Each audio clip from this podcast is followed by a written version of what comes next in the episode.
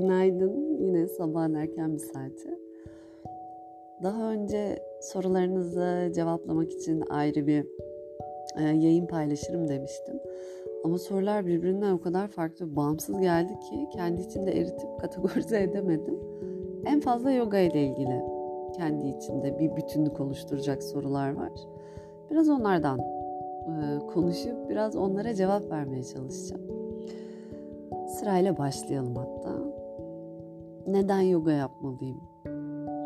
Neden yoga yapıyoruz? Tabii ki yine kendi deneyim alanımdan anlatacağım. Bizi yeryüzüyle gökyüzü arasında sabit bir yerde tutup hayata bağlamak ama aynı zamanda geldiğimiz yeri unutmamak için bence yogaya ihtiyacımız var. Ki bence yoganın amacı zaten bu. Bizi geçmiş hayatlarımızdan, taşıdığımız karmalardan arındırıp ama burada neden olduğumuzu, sorumluluklarımızı unutmadan ayaklarımızı şöyle sağlam yere basıp evet buradayım, evet bir anneyim, evet çocuklarım var, bir eşim var, sorumlu olduğum insanlar var, işim var deyip bunlara dört elle sarılıp ama bu sarıldığım dört elin her an elimin içinden kayıp gitmesine izin verecek kadar boşluk bırakıp yaşadığım her andan zevk alıp ama aslında ruhumun buraya ait olmadığını bilip bu şekilde yaşayabilmek için yogaya ihtiyacımız var. Tabii Instagram'da işte sosyal medyada pazarlananların çok daha ötesinde bir şey yoga. Tabii ki beden çalışacak, tabii ki beden hareketleri yapılacak. Ama sadece bu kısım değil. Ben mütemadiyen bunu anlatmaya çalışıyorum.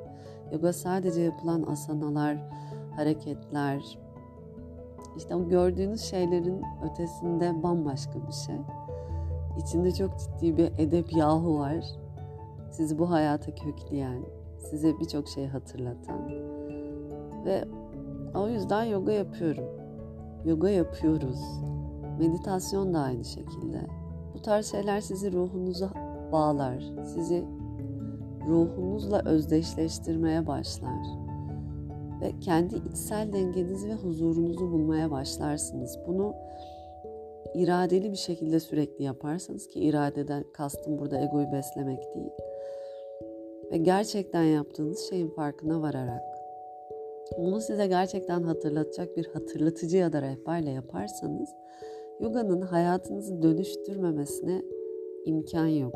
Ama sadece asanalarla örülü bir yogadan bahsediyorsak evet bu dediklerim çok da kalbinizde yer bulmayacak. Tabii bu çok uzun bir konu. Çünkü kendi içinde yoganın çeşitlerini de sormuşsunuz. Mesela işte sabahları ne yapıyorsun sen? Sabahları kundalini yoga yapıyorum. Mantralar söylüyorum. Bunlar sanskritçe evet bunların frekansı yüksek. Esmalarla aynı mantık aslında. Bu konuda ben çok geniş bakıyorum ki herkesin zaten öyle bakması gerek ki birçok insan da böyle bakıyor. Derslerde ne kadar sanskritçe kullanıyorsak mesela yakın zamanda Rahim ve Rahman meditasyonu yaptık. Bunun mantrasını söyledik. Bu da çok güçlü bir esma. Ruhunuza ne iyi geliyorsa, sizdeki frekansı ne uyandırıyorsa bunun üzerine çalışılmalı ve bu denenmeli bence. Onun dışında hareketli olan yoganın adı farklı. İşte daha aktif olduğumuz, daha pasif olduğumuz. Ama isimlerinin çok bir anlamı var mı? Bence yok. Ama sadece ruhunuza hangisinin iyi geldiğini bulabilmek için tabii ki deneyimlenmeli. Hmm, diğer bir soru. Ee, sertifikasız yoga eğitmenleri hakkında. Bu bazılarını rahatsız etmiş herhalde ve buna benzer birçok soru gelmesine de şaşırdım işin açığı. Şimdi bu dediklerime bazı yoga eğitmen arkadaşlarım kızacak ama bu benim kendi hissiyatım. Şimdi benim zamanla öyle yoga öğrencilerim oldu ki bedenlerini o kadar güzel kullanan ve zamanla o kadar kendini bu konuda ilerleten, ruhunu genişleten, kalbini sevgiye açan, insanlara bu ışığını yayabilen, bir çemberde oturup anlattıklarıyla insanların kalbine dokunabilen ki yoga budur zaten.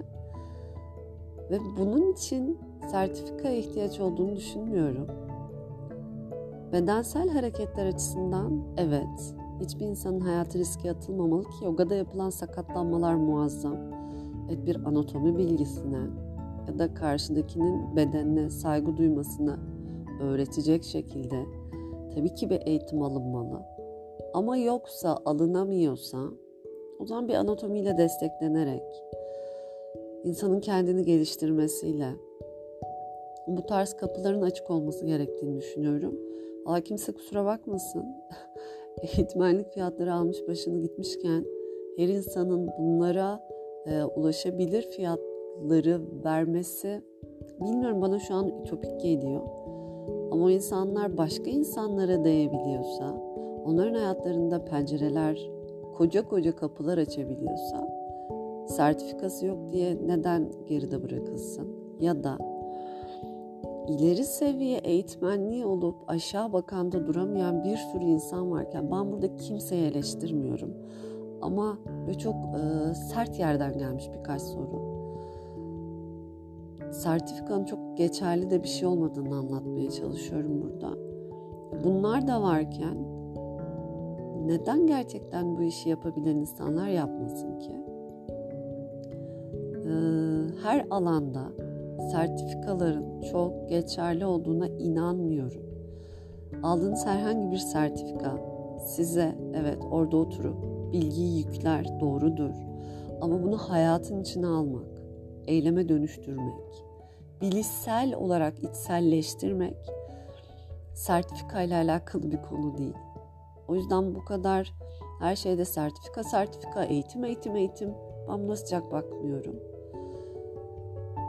Ki zaten bunlardan arındıkça, bilgiden boşaldıkça, aldığımız bilginin idrakına vardıkça bunların da çok gerekli olmadığını herkesin kavrayacağını düşünüyorum ama bence önce bu kalıptan kurtulmak lazım. Her şeyin mutlaka bir sertifikasının olması gerektiğine dair yanılgıdan kurtularak eğitim aldığımız insanlar, hatırlatıcılar, rehberler onların enerji alanlarına bakarak ki kalbiniz mutlaka burada size bir rota çizer. Bence böyle bir şey yapılabilir. Eğitmen arkadaşlarım da kızmasın. Ee, ama benim hissiyatım bu yönde. Yani insanların sağlığı riske atılmadığı sürece yani o da varsın çok ileri pozisyonlar yaptırmasın, çok derin pozlara girmesinler ama herkes bir yerden başlayabilir diye düşünüyorum ben. Tabii ki başka e, sorular da var ama e, bence bu ikisi şimdilik yoga için yeterli. Gününüz güzel geçsin. E, sevgiyle kucaklıyorum.